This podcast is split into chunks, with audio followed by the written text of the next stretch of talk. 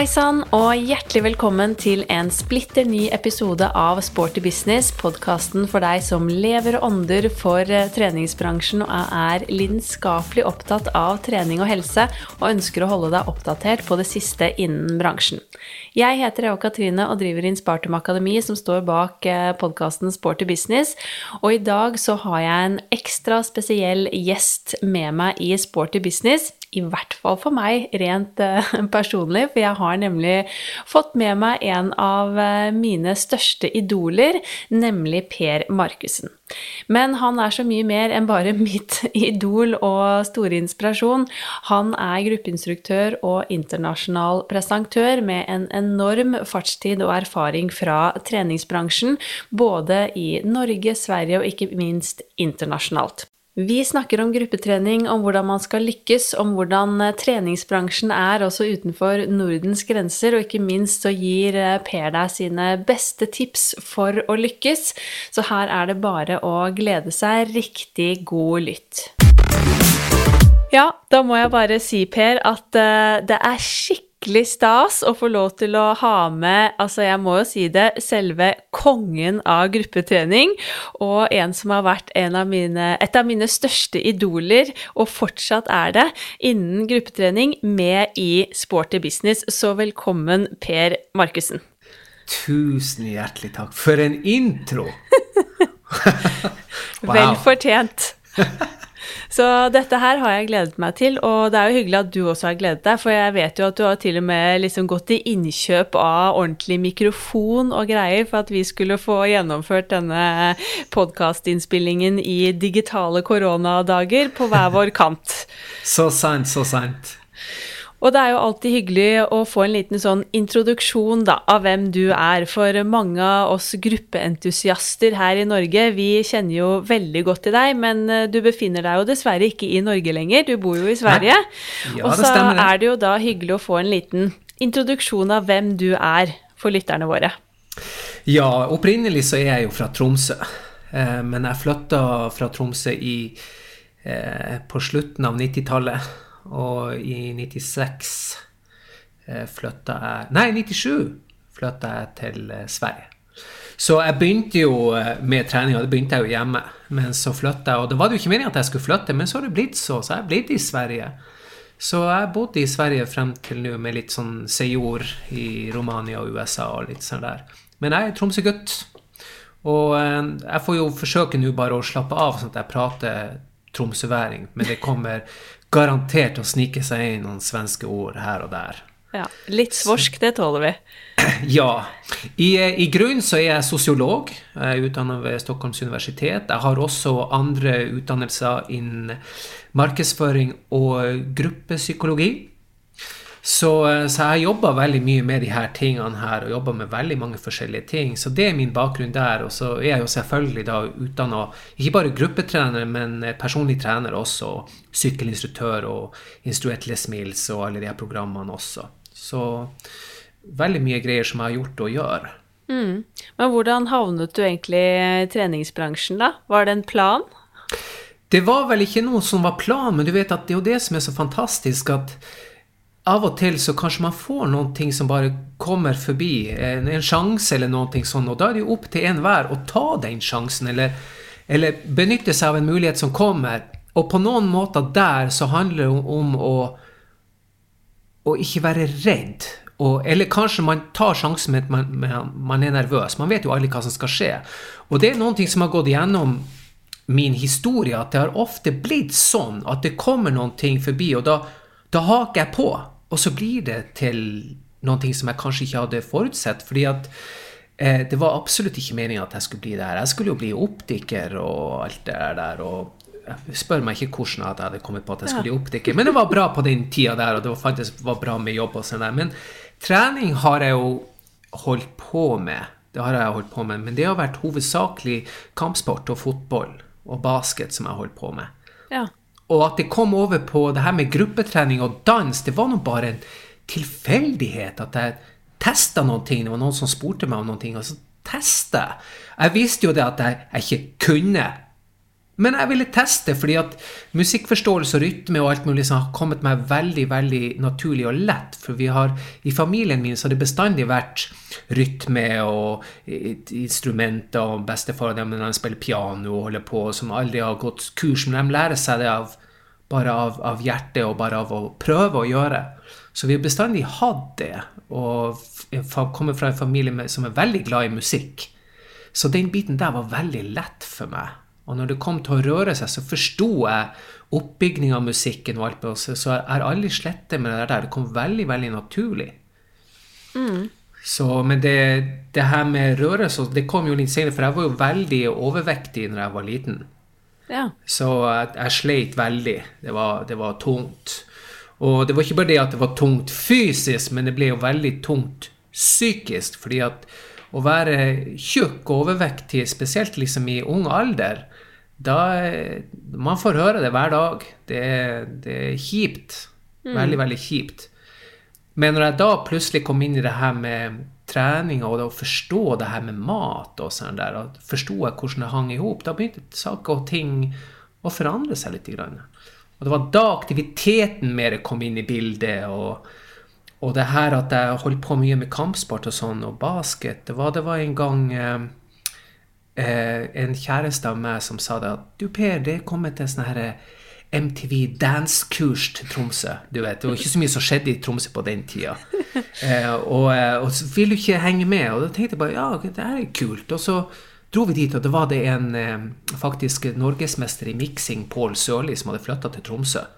Og han holdt eh, dansekurs hiphop og sånn der. Og så da møtte vi opp der, og, og, da var det step touch og de her tingene der. Og det var min intro til kombinasjonen av dans og musikk. Ja. og da, da, hang jeg veldig fort med, men jeg følte at herregud, det her er jo fantastisk. Og så kom jeg veldig godt overens med han. Og vi ble veldig gode venner, og så ble det til at vi hadde oppvisninger. Vi var på Kulturhuset, og vi var med på Dansens opp gjennom tider. Det var, det var en, et show som gikk. Og da ble det inni det der at jeg begynte å danse mye. Og når jeg da Når, når denne tida der kom til at eh, var en venninne av meg som spurte vi, Jeg skal gå på trening etter skolen på gymnasiet. Vi har noen ting som heter aerobic nede i kjelleren. Og da spurte hun om jeg ville være med, så sier jeg men jeg skal ikke gå på det her tøvet der. Og så sa hun da men hva, tør du ikke, er du, er du feig? Og det var jeg jo ikke, så da var jeg jo pokka nødt å stille opp. Og da var det nede i kjelleren, og da var jo lærerne mine der, og masse folk. og og det var en, en instruktør med tubesokker og sånne svømmedrakt og pannebånd og alt det der. Og en liten eh, kassettspiller. Og så var det på musikken, og så var det de her stegene. Og jeg hang jo med. Var jeg fikk det jo til, og så syntes jeg det var råartig. Mm. Og da gikk jeg til det lokale dansestudioet i Tromsø og så kjøpte jeg meg sånn klippekort på, på aerobic. Og på step og aerobic og funk og sånn der. Og på den måten da Plutselig så var jeg inne i det som, som utøver, da. Ikke ja. som instruktør, men som utøver. Kult. Men når uh, tok du steget og ble instruktør, da? Hvor lenge har du vært i bransjen? Jeg har vært i bransjen, jeg har vært instruktør siden 95. Ja. Da begynte jeg, og det var da jeg gikk da, da, var jeg ferdig med militæret. Men jeg holdt på med det her, men jeg, har aldri likt å stå i rampelyset. Jeg har aldri likt å stå fremfor folk. Og det der har veldig mye med bakgrunnen min når jeg var veldig overvektig. Og jeg skjemtes veldig mye og ikke vil sånn der. Så at jeg skulle stå og gjøre det som jeg gjør i dag, det jo, måtte jo bare gudene vite. Nei, for jeg skulle så, til å si det at uh, ja, nei, det var, man, man, skulle ikke tro at du ikke trivdes foran der, eller at det nei. på en måte var en utfordring. Ja, nei, det var, det var det var fraktelig for meg å bare stå fremfor klassen og skal ha et foredrag. eller noe, så jeg, Da tror jeg jeg skulle svette meg i hjel i hendene og ville jo bare forsvinne. Men uh, eh, jeg, jeg, dro jo til i militæret. Og da hadde jeg jo kort på det lokale studioet i Tromsø, så vi bare trente styrketrening. Og da visste jeg de holdt på med de skulle begynne med ting som heter aerobics der nede. For de hadde det jo på dansesenteret i byen. det hadde de. Men eh, så dro jeg i militæret, så var jeg i militæret, og så ble jeg forflytta til Harstad. Og i Harstad, det var ikke så mye å gjøre i Harstad. Harstad er ikke så veldig langt fra Tromsø, men det er mindre enn Tromsø, det er veldig viktig å si. og, eh, og, fantastisk fin, liten by, men det var ikke så mye å gjøre. Men da hadde de faktisk aerobic på gymmet som var rett ved sida der jeg bodde. Og da fikk jeg trene aerobics gratis, for jeg var den eneste gutten som var der. Og eh, da var det jo råartig. Herregud, jeg hadde det så Hver dag var jeg nede og trente og herja og så der, og tok det veldig lett. Og en dag så var det ei som jeg kjente fra Tromsø i treningsbransjen, Linda Dreiem, som kommer fra Harstad. Hun sa 'Per, er du her?' 'Ja, jeg er i militæret.' 'Men herregud, når du kommer hjem til Tromsø, så vil jeg at du skal begynne å instruere på Studio 7'.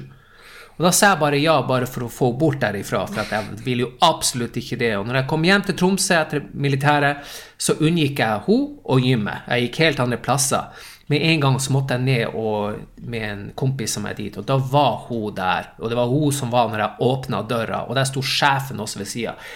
Ja, se der, her kommer han Per Eivind. Du, Charles. Han Per Eivind skal begynne å instruere hos oss, og han skal ha rett inn her. Og da var det pang på. Ja. Da klarte jeg ikke å slippe ut. Så de tok meg under sine vinger, eh, lærte meg opp med telling og oppbygging og alt det der. Og så var det rett på å instruere mage-rumpe-lår. Den gode, gamle slageren. Mage-rumpe-lår, ja. Og så fikk, jeg, så fikk jeg også funk på fredager. fikk jeg. Ja. Og det, det var jo det som jeg dansa tidligere, og da hadde jeg jo liksom min greie der. Og så var det mage-rumpe-lår. Og det var min intro til det her. Og da begynte jeg å jobbe med det her der. Hadde ingen aning hva con convention var, eller presentatører, eller noen ting. Det var bare det her på lokalt nivå som jeg Ja, ja. ble skolert av mine fine kollegaer i det her. Mm, fantastisk. Jeg kunne ønske at det var flere unge gutter også som turte å ta steget inn på dansetimer eller aerobic-timer i dag. Ja. For jeg tror det er mange som kanskje hadde fått en uh, positiv opplevelse, og kanskje det hadde blitt det de faktisk ønsket å drive med. Men jeg føler jo dessverre at det er litt sånn ja, det er liksom litt sånn at gutter skal ikke danse fortsatt, og det er utrolig synd. Ja, og det, det der har vi jo hatt veldig lenge, og det er liksom en klassisk del med det der. Det, det er jo litt synd, sånn der, men, men greien er jo at om man har det her med å ta de valgene på noen ting som man kanskje ikke vet, så er det visse ganger man tenker på det her, så skal det mye til for å gjøre et valg på noen ting som der du vet du er veldig dårlig eller ikke kan. For da, om du har ting som du er flink på, som du føler deg bekvem med, som du kan, da går alt av seg sjøl på en måte. Men den dagen man, man våger å tørre å være dårlig på noen ting, og forstå det og akseptere det, og gå inn og prøve å gjøre noe med det, det er da den her utviklingen og den her Kanskje den her nye firen starter. Og det, det, det er ikke så veldig mange som kanskje tar den opportunityen, for dem, det er en sånn redselsgreie som ligger der. Jeg kan jo bare ta et, eh, et eksempel på det der at jeg har jo bestandig likt dans. Og eh, jeg har bestandig vært veldig fascinert av latinsk dans, salsa og de her, og det, det her det temperamentfulle og, og rytmen og alt. Jeg elsker det bestandig, men jeg har aldri lært meg det. Jeg har aldri gått på kurs. Jeg har ikke tort. Nei. Fordi at jeg har vært veldig bra på det andre som jeg gjør, og jeg har ikke tort å forsøke å gjøre noen ting som jeg har vært dårlig på. Og jeg ville, jeg tenker inni at jeg ville skulle gjort det her, så når jeg flytta ned til Romania I Romania der danser de veldig mye latin. Det er overalt. Det er salsa og bachata og alt det der, kizomba, hele greien. Og da var jeg veldig nede i et miljø der det her florerte, der nivået var ekstremt.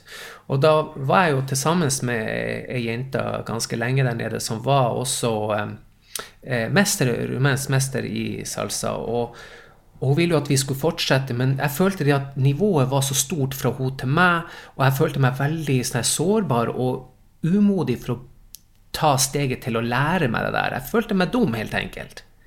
Så jeg torde aldri. Og når jeg da flytta tilbake til Sverige, og alt det, livet mitt begynte å komme i gang her, og sånn der, da tenkte jeg det at Nei, men vet du, jeg skal prøve noen ting som jeg ikke kan, og som jeg har vært redd for, som jeg bestandig tenkt på, som har ligget bak her. Og da meldte jeg meg på eh, salsakurs. Uten noen partner, jeg visste ikke noe, var rånervøs. Så dro jeg opp dit, og den første gangen jeg gikk opp dit og var, visste ikke hva som jeg skulle forvente meg, da var det litt av den følelsen der det var før. Der man ikke var helt Jeg følte meg veldig novis. Og så begynte jeg på det der, og vet du, det er det mest fantastiske jeg har gjort. Jeg danser råmye salsa, jeg danser kizomba, jeg danser mambo. Nå, jeg danser tre til fire timer i uka, og jeg er på nest høyeste nivå nå. Og det har gått fort. Det er helt fantastisk. Og jeg er ikke noe bra enda, men jeg får utløp i det her, og det er virkelig noe Det er for, for, min egen skyld at jeg gjør det her, for at jeg vil gjøre det og, og utvikles, og det er helt fantastisk. Men mm. det handler bare om at man må ta denne, det her steget til å komme dit, uansett hva det er i livet. Mm. Ja, vi skal jo dypdykke ned i liksom treningsbransjen, gruppetrening spesielt, eh, ja.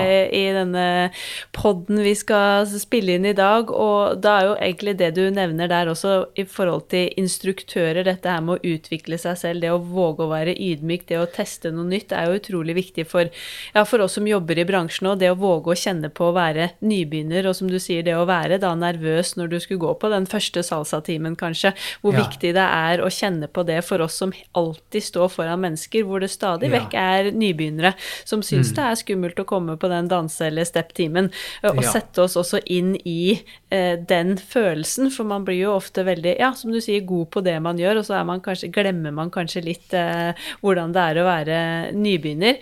Men før vi liksom går virkelig inn i litt sånn tematikken, så må jeg spørre deg også en, et annet spørsmål som jeg spør veldig mange på den, og det er litt sånn overordnet. Du som nå har jobbet i treningsbransjen i så mange år, hva er det beste du syns med jobben i treningsbransjen? Det beste Når du spør meg, så får jeg sånn frysning. Eh, veldig god frysning. Og det er det at det beste med det her, det er at jeg får vise min glede. Jeg får rett og slett vise min glede. For det her er ikke jobb for meg, for å si det sånn. Det, det er jo jobb også, selvfølgelig, men, men jeg har en sånn ufattelig latterlig stor glede av det her. Så jeg ønsker jeg kan holde på med det her til jeg er 100. Men eh, det kanskje blir på en annen måte da. Men, men det er det at jeg, jeg, gjør noen ting som jeg har funnet som er min greie, som jeg, jeg, absolutt elsker det her.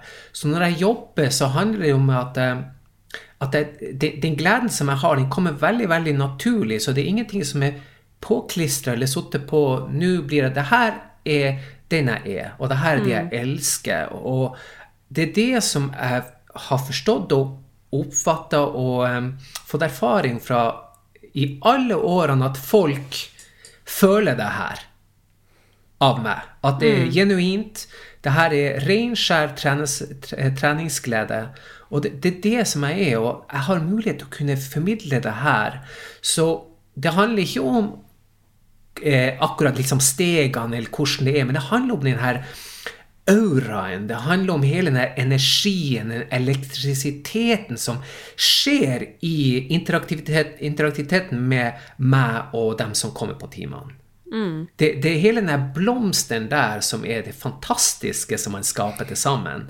Så kan det jo være visse dager der denne energien er annerledes, og visse dager der den er annerledes. Og være annerledes er noe spesielt. Det er ikke det at det, ja, det er dårlig, og så var det middels, og så var det bra. Nei, det er noe spesielt. Og man, man fòrer det her i det sekundet man opplever det. Da har du hele tida muligheten til å kunne eh, eh, påvirke denne elektrisiteten. Og du vet at det er noe magisk med det her at du, du har muligheten å påvirke hvert enkelt mikrosekund i denne interaksjonen du gjør. Mm. Så det er helt opp til du, hvor du legger ribba for din glede, de, det du stråler ut, og det her. Og det, det, det er veldig liksom eh, eh, mektig følelse å kunne virkelig bare eh, kaste alle hemningene og være sårbar, men å vise den her renskjære gleden som man har av å jobbe med det her og få muligheten for å kunne treffe folk og gi dem a little bit of love, for å si det sånn. Og, og få en, en, en, opplevelse der og da som de, de, de husker det her. Og de, mm. de kan føle denne stemninga. Og det der er noen ting det der er noe helt annet enn å bare liksom gå inn på en time, og så går du derifra. Men om du får folk til å føle noen ting Det, det er magi der, der altså. Mm. jeg er det, så enig. Ja, og det her er det beste. Nå når du sitter og snakker om det, da får jeg altså gåsehud. jeg savner så vanvittig i de dansetimene mine òg. Vi har jo vært stengt ned nå i Oslo siden november, eh, og jeg savner Riktig, det så vanvittig så det skal virkelig bli helt eh, magisk å komme tilbake. For det er akkurat sånn du beskriver det, som jeg opplever det også. Det er liksom ja. Det er ren, ren magi, og det er så utrolig å kjenne på den, som du sier, den, den forskjellige følelsen, det, for, det, ulike man klarer å skape. Ja. Mm. Eh, atmosfæren fra gang til gang. Det er eh, virkelig unikt. Ja. Og du mm. vet at i Norge har jo dere hatt nedstengning. Det har ikke vi hatt i Sverige, men vi har hatt restriksjoner. Ja. Men vi har jo holdt i gang hele tida. Ikke sant. Ja. Mm. Veldig eh, misunnelig på det. ja, og du vet at bare eh, eh, den situasjonen som dere er i, der alt det her plutselig blir stengt ned Jeg, jeg tør ikke å sette meg inn i den situasjonen der, for det, det skulle vært tøft for meg. Mm. Men du vet, akkurat som, sånn som du, sånn som du har utvikla det her, det går jo fra at du hadde en plattform, og så ble plutselig plattformen forandra. Og da er det jo en, en adaptering som skjer. Ja, ja. Og i det store og det hele så tror jeg den adapteringa har vært en litt sånn oppvåkner for veldig mange av oss for hva vi klarer å utrette selv om det blir en lockdown. For det er jo ikke det at man bare legger lokket på. Det, det, det er jo andre muligheter som, der det skjer, og der man kan ta oss til tenke og se hvordan man skulle utvikle seg sjøl, eller noen ting som man holder på med på en annen måte. Mm. Og det har jo vært, det har vært en, eh, en, utfordring, fordi at vi jobber jo med mennesker for mennesker eh, i et eh, senter der menneskene er involvert. Mm. Og det der blir jo lagt ned. Og hvordan skal man gjøre det da? Mm. Men eh, pandemien den er jo sånn som den er, og vi gjør jo så godt vi kan uansett. Ja, men, virkelig. Og det, men, det, har jo gitt enorme muligheter sånn rent online. Spesielt i Norge har jo ikke det vært så veldig stort, det med online-trening før. Så det har jo skapt mm. mange muligheter òg. Men jeg må innrømme at jeg gleder meg helt vilt til å være tilbake i salen og kunne få lov til å være liksom fysisk til stede med deltakerne mine og danse og bare skape de unike opplevelsene. Fantastisk. Ja. Men når vi er inne på dette med treningsbransjen, da. Du sitter jo da i Stockholm og jeg i Oslo, og jeg har jo hatt en sånn følelse opp gjennom mange år, egentlig, at eh, liksom treningsbransjen i Sverige det har alltid ligget noen, flere steg foran bransjen i Norge.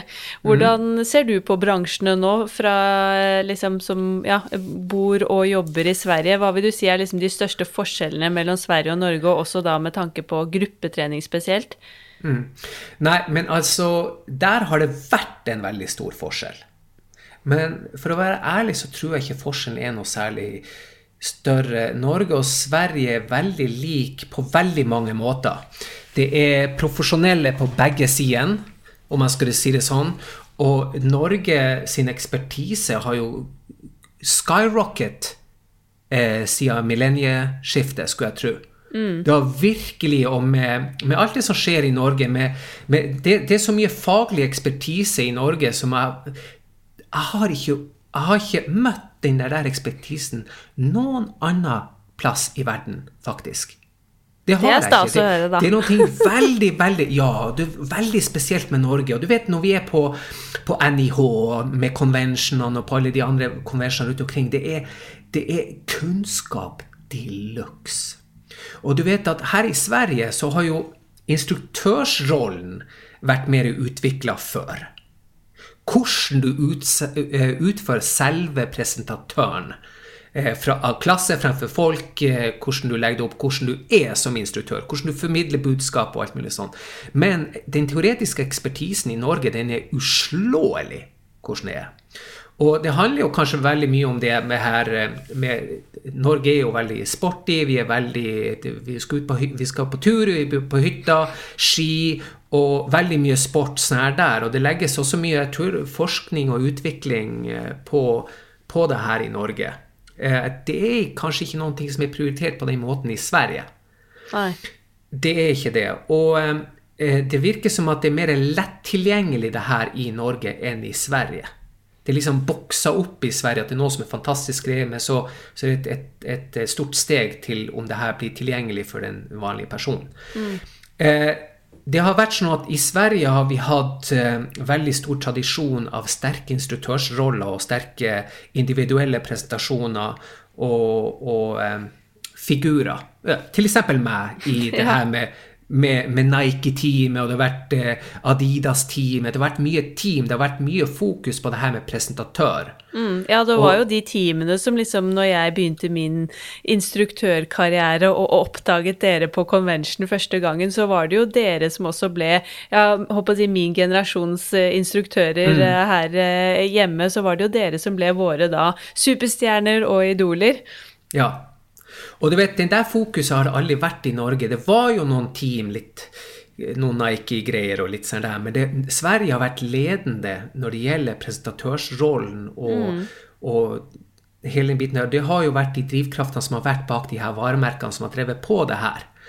Og der har det jo vært en sånn enorm stige i Sverige når vi begynte med de teamene, og vi turnerte jo rundt, og det var jo vi, Hele turneen dro vi over til Oslo, gjorde det her i Oslo, og så hadde vi litt små turneringer rundt omkring og sånn der. Men eh, det har vært et stort driv bak det her i Sverige, og det har blitt eh, på på de lokale gymene har vi også merket det her at det blir liksom stjernestatus. Eh, folk vil komme opp til de nivåene som en presentatør er på. Mm. Sverige kanskje har vært nærmere Europa på en måte også, og det har vært veldig mye driv bak fitness-scenen i Sverige, så de har fått veldig mye oppmerksomhet i resten av verden. Så det kommer jo folk fra resten av verden til Sverige for å gå på våre conventions. Mm. Det har ikke vært sånn at folk har dratt til Norge for å gå på conventions i Norge. Og ingenting liksom ondt med det, men Norge har liksom ikke vært på kartet når det gjelder utvikling av eh, profiler presentatørsprofiler. Og det kanskje har noe med vår kultur i Norge, der vi er litt mer dempa enn sånn som det har vært i Sverige. I Sverige har det vært litt lettere å, å blomstre opp, på en måte. At det godkjennes. Du kan stikke deg ut. Men jeg tror kanskje i Norge så har det vært litt sånn eh, at man, man skal føye seg litt og være litt mer forsiktig og ikke stikke ut kanskje så veldig mye. Mm. Det kanskje har noe med janteloven å gjøre, eller noe sånt, men det er sånn jeg opplevde det. Og du vet at når jeg jeg følte jo tidlig i Tromsø i karrieren at gud, det her er noe som er helt fantastisk. Og du vet at når mine kollegaer sa til meg du, jeg tror det her var i høsten 95 noe, du Preivind, det skal være en, det skal være en sånn convention her på Gyllenborgskolen eh, som ligger midt i byen da. Hva, hva er convention? Ja, det er noen instruktører som kommer fra eh, sånne superinstruktører kommer fra Oslo, og du vet at de skal opp hit, og så skal vi få inspirering på timer. Og da hev jeg meg med, så var vi oppe i gymsalen. Og det var mitt første møte med de her eh, figurene fra Oslo, som var jo De ble jo jeg, jeg, tror det var Michael Jackson som kom på scenen. og og det var jo sånn stjerne... Jeg, var jo så lamslått av beundrende for de her guttene. Og det var jo Meet the Boys, tror det var bare gutter. Soul Sove, Richmond, og jeg tror det var Jan Stendal var der. Jan Stendal har jo vært med siden Noas ark, holdt jeg på å si. Men på en bra måte, da. Men alle de her var med der. Og jeg husker det, han, han Jan Stendal han gjorde paddebouré. Og jeg fatta ikke hva det var han gjorde med føttene. Og jeg sleit sånn når han kjørte en stepptime og hadde en paddebouré. Og når det vel Når myntene ramla ned, så var det som en åpenbarelse for meg. Jeg hadde jo aldri liksom brukt det eller forstått det der. Og når de kjørte de her timene og den magien de klarte å skape, det var, det var helt nytt for meg. Da forsto jeg å jøsse navn. Mm. Her fins det jo ingen tak på hva man kan gjøre, og hvordan de lekte med folk, og du vet, alt det der. Det var helt fantastisk. Og etter ja, ja. det så brukte jeg hele studiemiddelet på å reise og gå på convention til Oslo. Ja. Oslo, Trondheim, Mastermania, og da, da var botanisert jeg i den her nye som hadde oppstått for meg, å se den her nye verden med conventions, og hvor er man skal dra, og hva som gjelder. Og da ble det sånn enorm motivasjon for meg. Og jeg følte det at det her er det, her er det som jeg vil gjøre. Mm. Og da var det jo bare det at jeg hadde bare begitt meg inn i noe som jeg ikke hadde planlagt, og så ble det sånn her. Men det var jo takket være at jeg hadde veldig fine kollegaer som hjalp meg, og at jeg fikk se de her folkene som briljerte mine kunnskaper. Og sine kunnskaper som jeg ble så imponert av. og tenkte, Men det her, her kan, her kan man gå til himmels. Mm. Det er veldig interessant det du sier, dette med conventioner. fordi jeg hadde jo akkurat den samme opplevelsen. Jeg begynte som instruktør i 2008 på et sånn kjempelite treningssenter utenfor, eh, liksom i utkanten av Oslo, og tutla, tutla rundt med mitt, og ville jo liksom stadig gå på kurs og utvikle meg, og så husker jeg også jeg da fikk høre om conventioner. Jeg var først på en convention i, i Bergen, en litt sånn lokale, nå var jeg jo helt blown away bare av den opplevelsen, men så var jeg jo da på min første Nike Blast på Atletica Domus i Oslo. Og det var jo en, altså en helt fantastisk opplevelse, og det var som du sier, altså jeg også ble jo så liksom starstruck og fascinert av de instruktørene som sto på den scenen, og tenkte at shit, det er jo Altså, jeg følte jo kanskje at jeg hadde blitt ganske god, da, i løpet av et par år som instruktør, men da så jeg jo hva som virkelig liksom krevde seg en instruktør, men hvor langt man også da kunne nå. Og de var jo, som du sier, superstjerner, og da fikk man jo lyst til å stå på den scenen selv. Og du har jo enorm erfaring fra Altså, du har jobbet, som du nevnte, i Romania og som internasjonal koordinator for World Class. Mm. Du er internasjonal presentør. Vært på de største eventene og konvensjonene eh, i og utenfor Europa. Du har også startet Move On Fitness Education i Romania. Mm. Så du har jo enorm erfaring og liksom innsikt i hvordan bransjen da er i andre land. Og jeg vet jo at sånn som f.eks. Ja, Italia eller andre, de har jo også eh, talentkonkurranser. Og du kan konkurrere i å være step-instruktør eller dance aerobic-instruktør. Det er det sikkert mange som ikke vet, men det er faktisk mulig. Og jeg tenker mhm. at det er jo nettopp de tingene, og sånn som det da var i Norge før, med disse store Nike Blast Conventionene som gjorde at vi som instruktører hadde noe å se opp til, og gjorde at vi fikk ambisjoner. Og da skjønte vi liksom hva skal til for å virkelig lykkes. Og i dag så opplever jeg jo i Norge at det er veldig få arenaer, da, hvor du faktisk møter så dyktige instruktører og liksom Ja, alle som starter som instruktører, og sånn som jeg da var i 2008, det er ikke noe sted hvor de får den derre enorme boosten, mm. eller får den der lysten om å være superambisiøs og noe å strekke seg etter. Hva tenker du, liksom, hvor viktig er det med disse f.eks. talentkonkurransene eller konvensjonene, og hvordan fungerer det ellers i Europa? Nei, men det handler jo, det her handler litt om hva som er tilgjengelig, hvor man er. At man investerer i, i det, det interesseområdet, det som man holder på med. At man åpner øynene og ser utover der man er. Hva er det som finnes rundt omkring? Om jeg holder på med noen ting, hvor er nivået? Hva, hva det finnes for muligheter for meg å gjøre med det her? Trives jeg bare med å være lokalt, så er det helt ok også. Men man kan jo være lokalt, men man kan utvikle, utvikle sin instruktørsrolle uendelig mye. Og om man er da bare lokalt, så blir både den opplevelsen du får av deg sjøl for at du har utvikla, og den interaksjonen du kan få til å skape med de som er på timen, den kan gå til sånne nivåer som man aldri har forstått om man ikke tepper inn i de her mulighetene for å kunne utvikles. Mm. Det er presis samme sånn her at om man som instruktør man kjører sine timer, man kanskje går på noen kollegaer sin time, og alt er fryd og frøyd og fryd og gammen og alt det der, det funker bra. Men om man aldri liksom har kanskje testa som du på noe nytt, eller gå for en instruktør eller noe annet der du får en sånn wow-opplevelse da, da vet du liksom ikke hvor bra det kan bli. Nei, det er akkurat det. Ja, så du må, og du vet at om det ikke finnes på kartet der du er, så for din egen skyld så finnes hele Europa ligger åpent.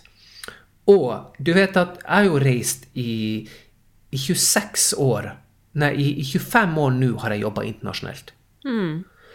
Og, um, for jeg flytta jo til Sverige i, i 97. Og eh, av alle de gangene der, så er det veldig lite svensker man ser rundt på internasjonale conventions. Nei, unnskyld meg. Nordmenn. Ja. Mm. det, er, det, er, det, er, svensker som drar. Mm. Eh, det er veldig mange kunder i Sverige som går på timer, som drar internasjonalt på andre. For de ser å, herregud, hva de får også fantastiske opplevelser i andre miljøer, andre folk, de blir kjent med andre folk, osv. osv. Men det har aldri vært noe særlig at norske instruktører kanskje har dratt utenlands for å se hva som skjer. det har vært mest i at de kommer til Nike i Sverige når det var før, før at de liksom la ned i 2014. Det var veldig synd. Det er en tragedie. Ja, og du vet at når, når, når den episoden med de typene av enorme konvent, som var en sånn bombastic opplevelse for både kropp og sinn, forsvant, da var det liksom et vakuum som skjedde etter det, og da var det veldig sånn stille lenge. Men hele denne biten der har pågått i hele Europa og rundt omkring, mm. og i, i, i Syd-Amerika, i Asia og overalt der, så er det conventions. Men det handler jo om eh, hva som er tilbud på gymmene. For om, på gymmene sier de om de bare går til skripta trening og konsept, da blir det sånn. Og da er det så veldig viktig å ha folk som forstår det her, og som jobber med freestyle, jobber med eh, håndverket og jobber som instruktør med å skape. Mm. Og ikke bare å få det på et papir. Ok, du, det er en måte du skaper jo timen allikevel, men å skape ditt eget, akkurat sånn som du har gjort, sånn som at du har starta opp med det der. Det de gjør her, sånne som du, som er så viktig for at det her skal leve. Tusen takk. og, og vet at det, det, er, det her er, jeg er så seriøs når jeg sier det her. Det her er virkelig det A og O for at det her skal overleve. Og til eksempel som du har gjort det, og så har du andre Du har mange andre eh, fantastiske folk som du i Norge. Mm. Som forstår det her. De kan gruppetrening. De kan både skripta trening og ikke skripta trening. Men det her med ikke skripta trening, det som vi kaller for freestyle Og det spiller ingen rolle hvilken kategori du om det er step eller dans eller hva det er. Det kan være styrketrening også, men freestyle. At du konstruerer timen sjøl. Eh, sikkert og effektivt, og du vet, og alt det her der. Det der er en helt annen greie enn å være skripta instruktør. Mm. Det er en helt annen greie, og det er en det krever mye å bemestre. Og vi kan ta det så her at uh, når jeg, har, når jeg starta min skole, Move On Fitness Education, og vi begynte å instruere, og vi skapte en helt ny utdannelse, alt fra A til Å, mm. alt Du vet at da merka vi jo det at dem som hadde eksempel var Zumba-instruktører og kom til oss Det var veldig tøft for dem for å lære seg det her. Uskripta. Mm. Og det, var, det, ble veldig slitsomt for dem å kunne mestre det her, at plutselig så gikk de fra Zumba så de bare kunne slenge ut en klasse, og det var fest fra begynnelse til slutt, og du vet det der, og plutselig så var det en helt annen måte å forme timene på å skape noen ting. Og da ble det veldig tungt, og da ble det en knekk i det med selvfortroende. Ja. For da var det ikke så lett på den måten. Det var mye mer som ligger bak en time på den måten. Men vi så dem som tok det her til seg, om de ikke hadde gått på Zumba før, eller begynte å jobbe med det her og så gikk tilbake til Zumba, da, da gikk de med rakettfart opp i utviklinga. Mm. Så det her, det her håndverket som vi holder på med, er så viktig å foredle og også ha kvalitetssikra. Og derfor er det så viktig at de her personene fins og de gjør sånne her ting med podkast og med Starte utbildningssentrum, og at det her får traction. For uten det her, da finnes det ingen plasser å gå. Nei, det er veldig hyggelig at du sier det, for det er jo virkelig visjonen min med både ja, Inspartum Akademi, men også da podden, det å kunne dele ja. kunnskap og liksom dele til alle instruktører rundt omkring i landet. For jeg har jo som sagt opplevd liksom ja, den da når det fortsatt gruppetrening var sånn skikkelig hipt, og disse største conventionene, som du snakket om, Nike Blast i Globen Altså, jeg kommer aldri til å glemme det, altså noensinne. Det er liksom Det er så rått, og det tror jeg det er vanskelig å forklare for de som ikke har vært der. Men jeg håper på en måte at vi kan klare å skape noe sånt noe igjen, eller at noe av det kan komme tilbake, for jeg tror at for den arenaen vi er på, som skal skape disse fantastiske, fantastiske opplevelsene i gruppetreningssalen, ja. så var de møteplassene så enormt viktige for oss. Både mm. for det å se at her har vi noe å strekke oss etter, som du nevner, for de som i hvert fall ønsker det, og at man liksom ja. kan få den boosten. Men også for rett og slett å liksom løfte hele yrket, eh, det å være instruktør. At, eh, at, man på en måte også da får den arenaen å møtes på, ikke minst ha å jobbe frem mot. At du har lyst til å bli en av de instruktørene som får lov til å presentere, f.eks. Men uh, når vi er inne på dette, da, så tenker jeg også Jeg er jo så veldig nysgjerrig på dette med disse talentkonkurransene. Uh, for jeg mhm. kunne jo virkelig ønske at jeg kunne konkurrert i dette også når jeg var yngre, liksom. Det var jo faktisk til og med Altså, man kunne jo konkurrere i aerobic i Norge i gode gamle dager også. Jeg gikk dessverre glipp av det, men det hadde vært midt i blinken. men sånn som i Europa, da, hvordan fungerer disse talentkonkurransene? Hvem er det som deltar, og hva, hva skjer hvis du vinner, f.eks.? Jo, det, det, der har jo vært i um, og lurka veldig lenge med talentkonkurranser i, i, hele Europa. Fordi at det har vært vanskelig på en måte for folk å finne en plattform der de vil komme til neste nivå. Bare for å ta et eksempel, når jeg begynte å føle det at det her var min greie, men hvordan skulle jeg komme meg til neste nivå? For jeg følte det at jeg hadde så mye som jeg ville få gjort. Mm. Eh, og jeg følte det at jeg kunne vokse i denne rollen, men, men hva skulle jeg gjøre? Og eh, da, var, da, hadde jo ikke vi sosiale medier på den måten som vi har i dag. Og da var det jo sånn at noen må jo se deg noen plasser, eller så må du filme det inn med et stort videokamera og du vet, og VHS og hva det nå er. Så jeg visste jo bare det at det fantes et Nike-team i Norge, det var noen Puma-team og litt sånn der, men jeg hadde jo ingen anelse hvordan, det, hvordan man går til det her, før jeg ble Eh, spurt fra Sverige om jeg ville komme ned og jobbe med Jesper Magnusson og Staffan Perman og alle de her. Det var fordi at jeg gikk, var ned på den første avanserte aerobic-utdannelsen som noensinne ble gjort. Eh, da dro jeg ned og gjorde den her i 96. Det var etter at jeg hadde tatt grunnkurset. Ja. Og da traff jeg jo alle dem, og da var jo alle dem der, og de så meg, og da hadde jeg faktisk en time på gymmet. Jeg vikarierte for Jesper Magnusson at jeg torde å si ja til den, det, det, det, var det som gjorde at jeg er der i dag. Han spurte meg om jeg kunne vikariere for han, for han hadde bursdag. Og da sa jeg ja. Jeg var så nervøs, jeg måtte gå hjem fra festen og være oppe hele natta og, og øve. Men uansett, den klassen der, den gikk fantastisk bra, og det var sinnssykt mye, for pakka med folk der. Og etter det, da ville jo alle at jeg skulle begynne å jobbe der. Og det var da jeg spurte om jeg skulle komme litt ned. Så det var min sjanse. Og når jeg vel ja, for var... det var i Romania? Nei, det var her Eller... i Sverige. Det var når jeg flytta ja, fra Tromsø Sverige, ja. til Stockholm. Mm. Og når jeg var her nede og begynte å få traction, og folk kom på mine timer, det var fullbooka hele tida, da var det en representant som hadde hørt det, som kom fra Nike. Og etter timen så spurte de så sa de om du blir igjen i Sverige, så vil vi gjerne kontraktere deg, og da vil vi at du skal instruere på Nike Convention neste år. Ja. Og forstå det, å få den der muligheten Da ringte jeg hjem til kjæresten min i Tromsø og sa jeg kommer ikke hjem. Jeg blir. Jeg hadde ingen plass å bo, jeg hadde ingen jobb, ingenting, men jeg ble. Og du ser, sånn ble det. Og der hadde jeg en mulighet, og den der mm. muligheten var veldig, veldig vanskelig å få. Men her nede, når det begynte å spre seg med sosiale medier, da var det jo en helt annen måte. Folk kan legge opp på Facebook, kan legge opp timer sånn. Men det enda så må du komme i et miljø der du kan, der du vinner, så har du sjanse for å få presentere på samarbeidspartnerne til den conventionen. Og det kan være i Japan, det kan være i Korea, det kan være i Syd-Amerika, det kan være i Europa, det kan være hvor som helst. Og det er det som skjer. Man teamer seg opp med forskjellige samarbeidspartnere, så går man ned, og så ja, ned, da mener jeg Europa og området.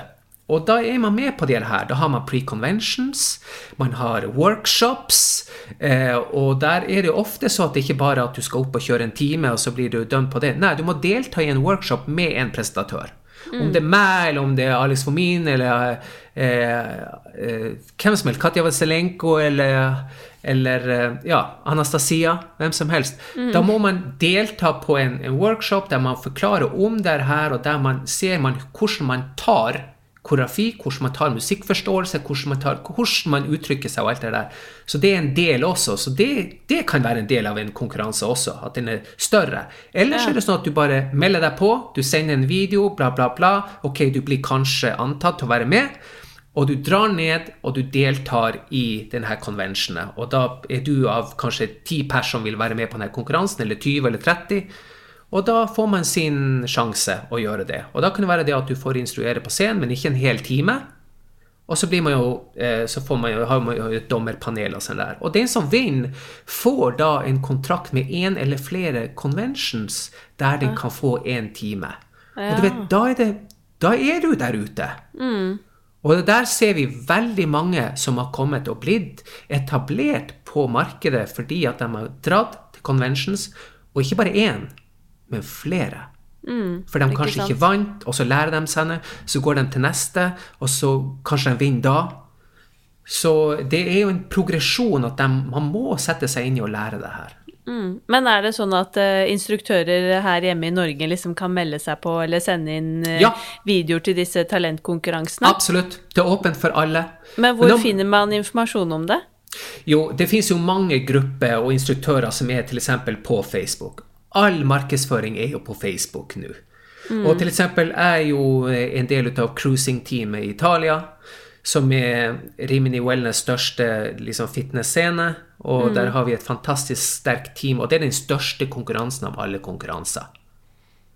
Det er liksom, Vinner du der, da har du veldig store muligheter, for det er veldig stor projisering fra den scenen. Ja. Og så har du masse andre organisatører som holder på med det her. Og da er det liksom bare får man gå ut og botanisere. Det er jo noen fra Norge som allerede har vært nede og instruert, og vært på de her og fått med seg og vært og prøvd og deltatt i de her eh, konkurransene. Men man, man må ut på Facebook og internett og, og, og få tilgang til de her gruppene, eller via Du vet, det finnes veldig mange av mine venner på Facebook. Det, det er jo som meg. Det er jo presentatører og organisatører. Så det som jeg legger opp, er fra veldig mye av de her folkene her, og eh, alle de her har på noen måte en eller annen talentkonkurranse med. ja, jeg skjønner. Men er det, det er, noe, er det noen nettsider, eller er det noe som du sier, du er jo en del av det cruising-teamet, men er det liksom noen andre steder man kan oppsøke, for, altså litt lettere hvis man er nysgjerrig på dette og har lyst til å finne ut av det? Ja, altså det, det finnes jo. Det, om man Jeg skulle tenke meg at om man bare liksom skriver stikkord inn på de sosiale mediene, sånn som aerobics, step eller, eller eh, competition eller noe sånt der, så finnes det Sånn som eksempel vi på Move On i Romania, da hadde vi jo det her. Og da hadde vi bestandig pre-convention med workshop, og så hadde vi selve en, en, en halvdag eller noen ting med bare dem som vil være med på det her. Eh, Og da var det jo vår community, og da hadde jo vi samarbeidspartner med de andre, og da når de vinner, så får de instruere på vårt convention neste år, pluss at de får tentakler ut til de andre samarbeidspartnerne som vi har. Og det samme har vi gjort i Norge nå, så den til eksempel eh, den personen som vant eh, cruising i 2019, for det er jo pga. av pandemien, så har det ikke vært noe mer. Da får den personen komme til samarbeidspartner som vi har i, i Norge med Moves of Norway. Ja, ikke sant? Mm. Og da får den komme dit og presentere, og, og så var det mange andre samarbeidspartnere. Og da blir det sånn her der. Da, da sprer, sprer det seg ut.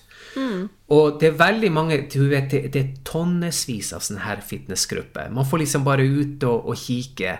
Eh, du har jo til eksempel, eh, forutenom cruising, C-R-U-I-S-I-N, ingen G på sluttet der.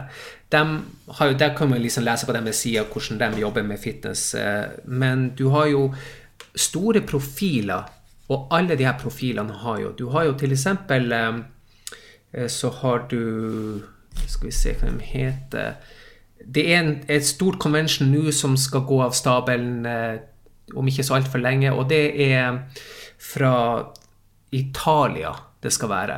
Men der blir det nå ingen talentkonkurranse, men det er sånne store event, og da er det veldig mange instruktører som er med. Så det som vi opplever nå, er at det er veldig mange online-event som blir stor. Altså det er haugevis med presentatører. Det er ikke bare én, to, tre. Det er veldig, veldig, veldig mange. Eh, og eh, i Italia er det veldig mye sånn her. Veldig mye sånn her. Eh, Ja. Tys Tyskland også, Pure Emotion, jobber veldig mye med det her. I Spania så er det, og i Frankrike og sentralt i de her. Så det er de landene som det er mest sånne her talentkonkurranser i. Du har jo det i Russland driver veldig mye på med det her. Og har veldig mye eh, workshops og utdannelse, og dem er instruktører. Men sentralt i Europa så har du de her eh, hovedsakelig i Italia og rundt omkring der, de her talentkonkurransene. Og dra, da drar folk dit. Folk kommer fra, fra Japan og dit, fra Syd-Amerika, hele veien dit for å være med på de her. For å ha en sjanse. Ja, jeg sa det senest faktisk til eh, noen kollegaer tidligere i dag, at det første vi skal gjøre når verden åpner opp igjen, det er å booke billetter til eh, convention i, Rimini. Ja, og du Eller et vet- annet sted. Ja, det er helt vet, sikkert. Den der Rimini-festivalen der, når, når jeg er der nede, så jeg ser noen stykker fra Sverige som er der nede. Men ikke så mange som hadde håpa, f.eks. Og fra Norge så har jeg sett et par stykker også. Mm. Og, men jeg skulle ønske at det var mye flere, for de fjærene der nede er jo helt magisk. Den er ganske kaotisk. Men der har du De beste av de beste er der nede. Og er man der nede og kommer inn i miljøet og de her eh, gruppene og alt mulig sånn, så kommer man inn i det her. Ja, for jeg syns jo det er veldig interessant hvor på en måte stort gruppetrening er ellers i Europa, og hvor skyhøyt nivå det er. Jeg tror det er veldig Ja. mange hvis, eh, ja, hvis du hører på nå og elsker gruppetrening like mye som oss, så anbefaler jeg å begynne å sjekke ut mange av disse profilene og liksom se hva som rører seg ellers i Europa, fordi det er virkelig et annet nivå enn hva vi f.eks. i Norge leverer på Ja. timeplanene på sentrene. Og det er jo det jeg syns er så fascinerende, og håper selvfølgelig at man kan klare å bygge opp i Norge også. Men hva tenker du skal til for å ja, lykkes som instruktør i dag? Hva vil du liksom kunne Dine beste råd til lytterne våre, i tillegg til dine tanker om hva vi generelt i Norge kan gjøre da, for å ta gruppetreningen til neste nivå fremover? Det er noe som er veldig viktig, og det er at du, du burde være veldig nysgjerrig. Nysgjerrighet kommer jo av ditt interesse. Og, eh, og når, når du føler det at det her er virkelig dine sko å gå i, at det her er din grei, så finnes det enorme utviklingspotensialet som du må ta ditt ansvar og sjekke ut. Fordi at vi blir aldri fullært, fordi at bransjen her med måten hvordan du cuer, hvordan du lærer ut, hvordan du bryter ned, det er sånn rørelse, og at alt har forandra seg så mye siden back in the days, når vi holdt på, når tempoet også var lavere, og du vet, eh, ja, sånn der. Men det finnes så mye metodologier, og da må man være nysgjerrig, og man må være ute og kikke og ta del av det her. og nå, Det som er bra med denne pandemien, er her, at det har vært så mye fokus som har flytta over til å gjøre utdannelser og workshop online. Og der vet jeg også det er flere i Norge som har deltatt nå på de her eh, gruppene som er rundt omkring. Og det, det er ikke noen sånne store offisielle organisasjoner. Sånne der. Det er enkelte instruktørprofiler, som f.eks. meg, som annonserer opp på Instagram eller Facebook hei, jeg skal kjøre en workshop i det her. Du kan anmelde deg via Zoom og bla, bla, bla. bla, bla. Og da gjør man de her, og da kommer man rett hjem i stua, og man kjører de her, så det er så tilgjengelig.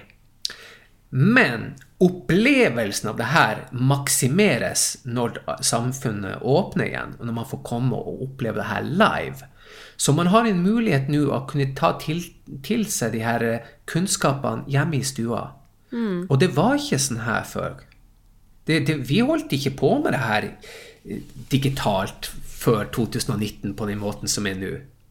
Visst, det, det, det var litt sånn her der, men eh, nå er det jo så mye med det her, og det er jo bra at da behøver man ikke bo man så langt fra som i Norge, eksempel. Det er jo veldig mye dyrere å fly fra Norge enn om man bor i Tyskland og skal fly fra München til Frankfurt. Frankfurt.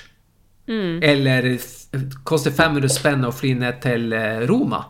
Det er jo en helt annen greie, og da kan man ta det her. Og det her er en gullpose som man burde kikke på. Og eh, nysgjerrigheten der, og det du kan gjøre og skape med magi i timene, det er så viktig at, at du foredler den biten der. Og at du virkelig tar din sjanse i å utforske hva som fins.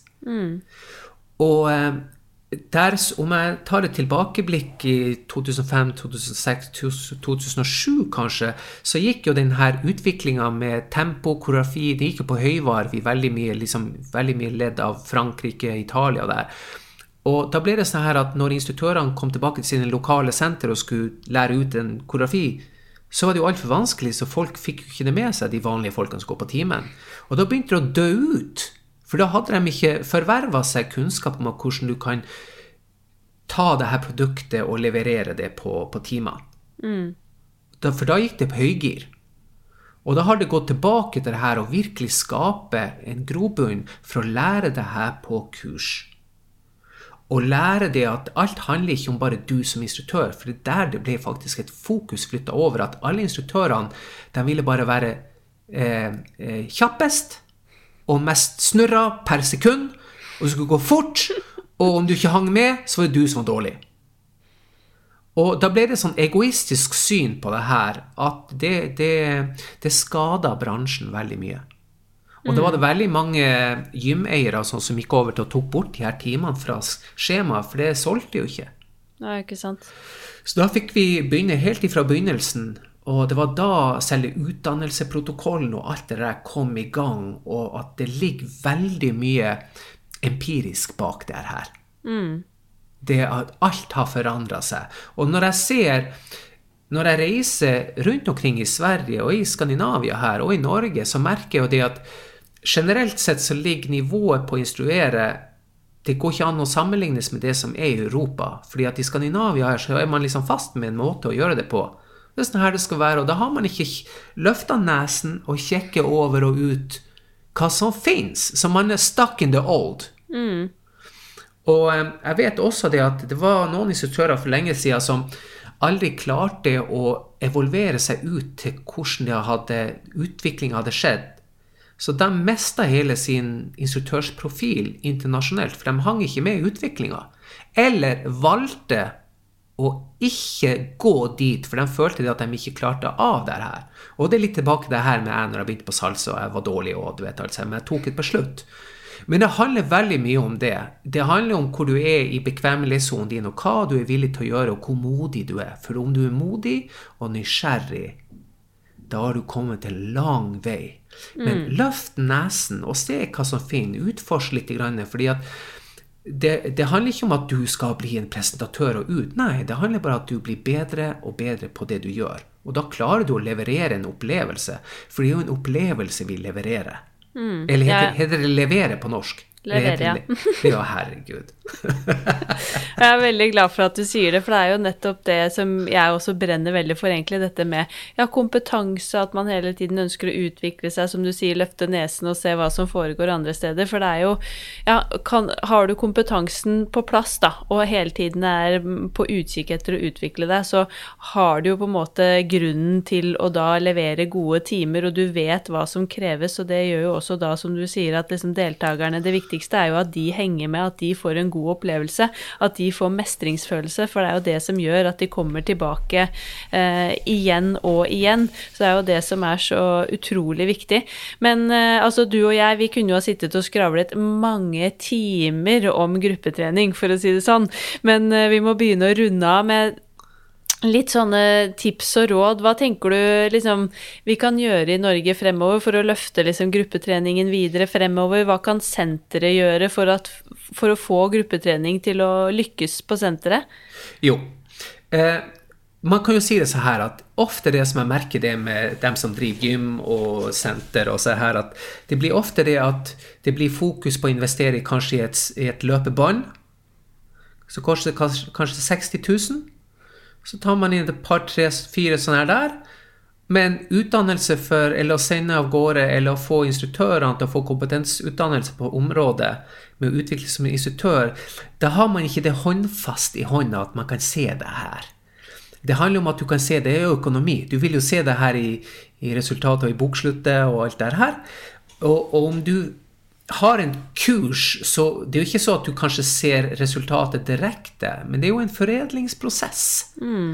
Og der er det veldig viktig at gymeiere sånn forstår at det her er en prosess som vokser, og som vil holde seg langt over de her springbåndene der. Men det er veldig lett å måle springbåndene i kostnad og få det inn, og dem som springer på dem. Eh, og en annen ting som er, som er viktig, det er at den kompetensen og den ut, uh, utdanninga som vi har som instruktører, levende instruktører, ingenting kan slå det. Det er inget, inget springbånd i hele verden som kan slå det. Fordi at springbåndet skaper ingen opplevelse for de som springer der. En, en, følelse, at man connecter noen ting til inni her, som en instruktør kan gjøre. Og det som, det som skjer, er at dem som sitter og tar de besluttene, de kanskje ikke har opplevd hvordan gruppetrening egentlig kan foregå når det er på høyt nivå.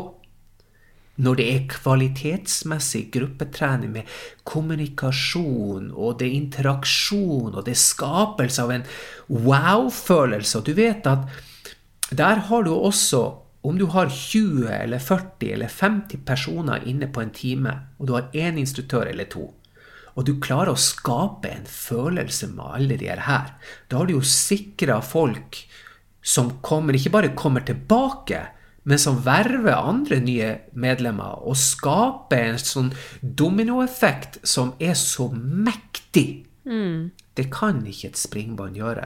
Men et springbånd er jo bra i for seg. Det, det, er jo en, en, en, tilgang til å ha.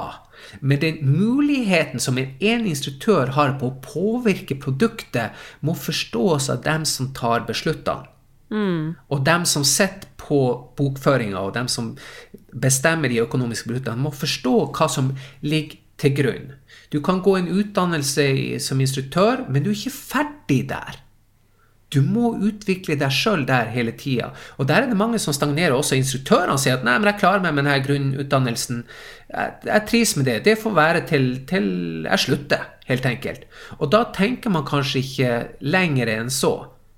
Fordi at da har du allerede satt ei begrensning på deg sjøl. Uansett hvordan du vrir og vender på det, så har du satt ei begrensning at 'jeg kan det her, nå kjører jeg på det her'. Mm. Og da har du ikke løfta nesen. Da sitter du med nesen ned i bordet. Eh, det som er viktig for gym, det som jeg merker, er at dem som er koordinator, eller dem som styrer gruppetrening eller noen ting, det er veldig bra at de har forståelse for hva som ligger bakom å skape en instruktør. Mm. Så en person som er koordinator, som kanskje ikke forstår det her med freestyle, eh, eller hva man si på norsk? Egenskap. Ja, eller egenproduserte time, egenproduserte kanskje. Time, ja. Det er så viktig at i så fall Alle koordinatorer som hører det her, det er jo ingen kritikk som er der, men man kanskje ikke har den utdannelsen, eller noe, men da skal det kunne finnes en slags modighet, som jeg sa tidligere, Ta til seg det her. Og man kanskje ikke vet, kanskje man tar hjelp av noen som kanskje vet, for det finnes alltid noen instruktør som vet mye mer enn koordinator. Og det vet jeg flere plasser i Norge, faktisk, på gym, der jeg vet instruktørene er veldig flinke, men det fins ikke noen mentor der, eller noen som kan foredle de her tingene her. Og da er det jo bra at de kan gå online eller ta vise det her. Men om dem som styrer inntaket og utsetter av det her på skjema og presentasjon av timer og produkt, om ikke det ligger i deres eget interesse, så er det vanskelig å få de her timene på display. Mm. Så om man skal innføre en dans eller en, en freestyle eller noe, uansett innføre en time på et skjema, så må det jo kunne finnes en slags interesse fra koordinatoren, og koordinatoren vet eller tar til seg kunnskap om hvordan de i så fall kan utvikle det her ved hjelp av noen andre. Eller at dette her er et produkt som har enorme potensial. Om det skal prøves på et skjema, da må det prøves på en tid som er lukrativ, nummer én. Det kan ikke legge det klokka halv ni på en torsdag kveld eller klokka, klokka ti på en tirsdagsmorgen og skal prøve å se om de funker. Nei. Fordi at du må ha dem i prime time for å kunne nå en større masse. Mm. Og da skal du ikke ta bort denne timen etter fire uker. Du skal ha den i en termin. Du skal forsøke. Vi må forsøke. Vi får ikke gi opp. Det er så mange faktorer som ligger bakom det her. Ja, men det funka ikke på to ganger, og det kom ikke noe folk eller noen ting. Nei, men se nå, hvilken forståelse har du for produktet? Hva man kan gjøre for å forbedre produktet? Hvem er det som skal utføre produktet? Og hvordan markedsfører vi dette produktet? Og hvem er målgruppa for dette produktet? Og hvordan skal vi kunne utvikle produktet? Du vet, det ligger så mye spennende bak det her. Og da kan jeg jo bare si av personlig erfaring, så jeg har møtt også koordinatorer eh, i min situasjon som ikke hadde forståelse for det som jeg gjør, eller mine kunnskaper, og ikke interessert at det som jeg kan tilføre, skal komme på display. Mm. Uh, og det er diskusjoner som jeg tar på strak arm. Jeg er ikke redd for det. Det handler ikke om jeg kommer riende inn på en stor hest, eller noe, men jeg vet veldig godt hva jeg er kapabel av å gjøre. Jeg vet veldig godt hva jeg ikke er kapabel av å gjøre, men jeg er ikke redd for det. Nei. Jeg, tåler, jeg tåler det der. Men det må finnes, fordi at veldig mange som sitter i de bestemmelsesposisjonene, de er gatekeepers for hva som kommer ut. For om du aldri har presentert noen ting på ditt gym eller på ditt senter eller organisasjon eller noen ting, aldri har testa, så vet du heller ikke. Når du, når du går inn i det her ordentlig og forsøker å få ut noen ting med bra bakgrunn, og du merker hvilken effekt det her har på folk, da skulle du ønske du hadde gjort det her for 20 år siden. For det er der magien ligger. Magien kommer man ikke bort ifra. Men det er veldig lett, også for eiere og for koordinatorer, å bli bekvem. Og at mange ko koordinatorer de kan også bli det at de, de tør ikke å gå dit, for de er kanskje redd for sin posisjon, eller de vet ikke hvordan de skal coache i de områdene der de ikke kan. Og da er det likså godt å bare være ydmyk og si ja, men hvordan kan vi løse det her? Du kan det her og det her. Hvordan kan vi jobbe frem til her? Fins det noen organisasjon her i Norge eller lokalt der vi kan utvikle det her, der vi kan gjøre et samarbeid eller noe? Og der er det viktig at man er åpen. Og derfor er det så viktig at det som finnes på display i Norge, presenteres og er der ute. Akkurat sånn skjer her nå. Mm. Og det som du deg i gang. Og det der er så viktig. Men det som jeg vet, at i communityen i Norge så har vi mange fantastiske profiler som vet akkurat hva de prater om. De kan det som jeg gjør. De kan det som jeg representerer. De, de kan psykologien bakom instruktørsrollen også, som er også like viktig som selve eh, den fysiske biten og eh, kunnskapen om hvordan man instruerer. Har det funnes en måte liksom å samle en, en community på det her, med den, de talentene som fins, og den ekspertisen som fins? For vi, vi, må jo huske det her at gruppetrening har fungert veldig lenge i Norge. Norge var veldig tidlig innpå når det her begynte å utvikles. Mm. Norge hadde si instruktørsutdannelse når SAFE starta i Sverige, som var liksom den første utdannelsen. Da hadde Norge gymnastikk i tiden.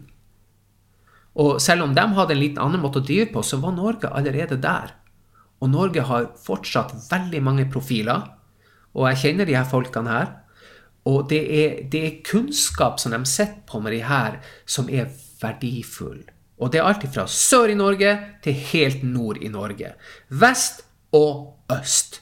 Mm. Så det fins veldig mye. Og det fins jo folk som driver conventions, akkurat sånn som du gjør også i mange forskjellige skalaer, og der har du også veldig viktig for Gruppetennis Norge, det er jo eh, Mastermania. Og det som 3T driver på med i Trondheim, som de har gjort mm. i alle år siden det var min første konvensjon jeg gikk på. Så vi en gymsal i Trondheim. Mm. Jeg fikk ikke sove, for jeg var så spent.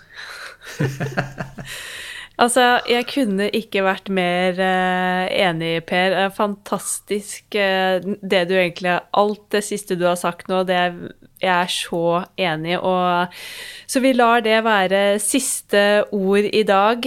Helt fantastisk. Og jeg håper at mange eh, kommer til å lytte til denne poden og ta dette med seg, mm. fordi det er så sant og så viktig, det du sier. Så tusen hjertelig, hjertelig takk for at du har tatt deg tid og for at du har delt av både erfaring og kunnskap, og ikke minst eh, inspirert alle oss eh, gruppetreningsentusiaster i Norge. Så tusen hjertelig, hjertelig takk, Per. Takk. Gleden er min. Og jeg kan jo bare si så her at Eh, om, det, om, det, er folk som undrer på de her, også hvor, hvem de skal ta kontakt med, hvordan de skal komme seg ut, og sånn, så kan de jo spørre deg. Du kan lenke dem videre til meg. De kan også bare søke meg opp på Instagram og Facebook og, sånn og sende meg beskjed eller noe. Og jeg svarer. Jeg kan pointe dem i rette retninger om de undrer på de her, eller hvordan de skal gjøre, eller jeg kan invitere dem til FIS. Jeg har jo egen gruppe da, på, på Facebook med bare skandinaver. Det, mm. det, er mm. ingen fra Europa eller noe sånt der. Og der legger jeg ut, legger jeg ut mine eventer. Sånn der. Men det fins informasjon å få. Og det gjør det. Absolutt. Og ting og tang skjer i Norge. Og det er mye større progresjon i Norge nå på utvikling av instruktører enn det er i Sverige. Sverige har gått veldig skripta. Men vi, mm. jeg holder, jeg holder stillinga her i, i Sverige. Det gjør jeg. Det er godt å høre. så ja, søk opp eh, Per Markussen på Instagram og følg han gjerne der. Eller som sagt, så kan dere gjerne sende meg også forespørsler hvis det skulle være noe, og så hjelper vi dere så godt vi kan. Tusen hjertelig takk, eh, Per. Tusen hjertelig. Håper du har kost deg med dagens episode. Tusen takk for at du tok deg tid til å lytte til oss igjen. Jeg håper du gleder deg allerede nå til tirsdag om to uker. Da er vi klare igjen med en ny og spennende gjest. Hvis du har innspill eller spørsmål til oss i Sporty Business, så send meg gjerne en mail på info at inspartum.no, eller så kan du kontakte oss via vår Instagram at Sporty Business Podcast, og vi har også en egen Facebook-gruppe som heter Sporty Business, som du er hjertelig velkommen til å bli medlem av. Jeg ønsker deg en sporty og sprudlende uke videre. Vi poddes! Denne podkasten produseres av Inspartum Akademi og North Stories.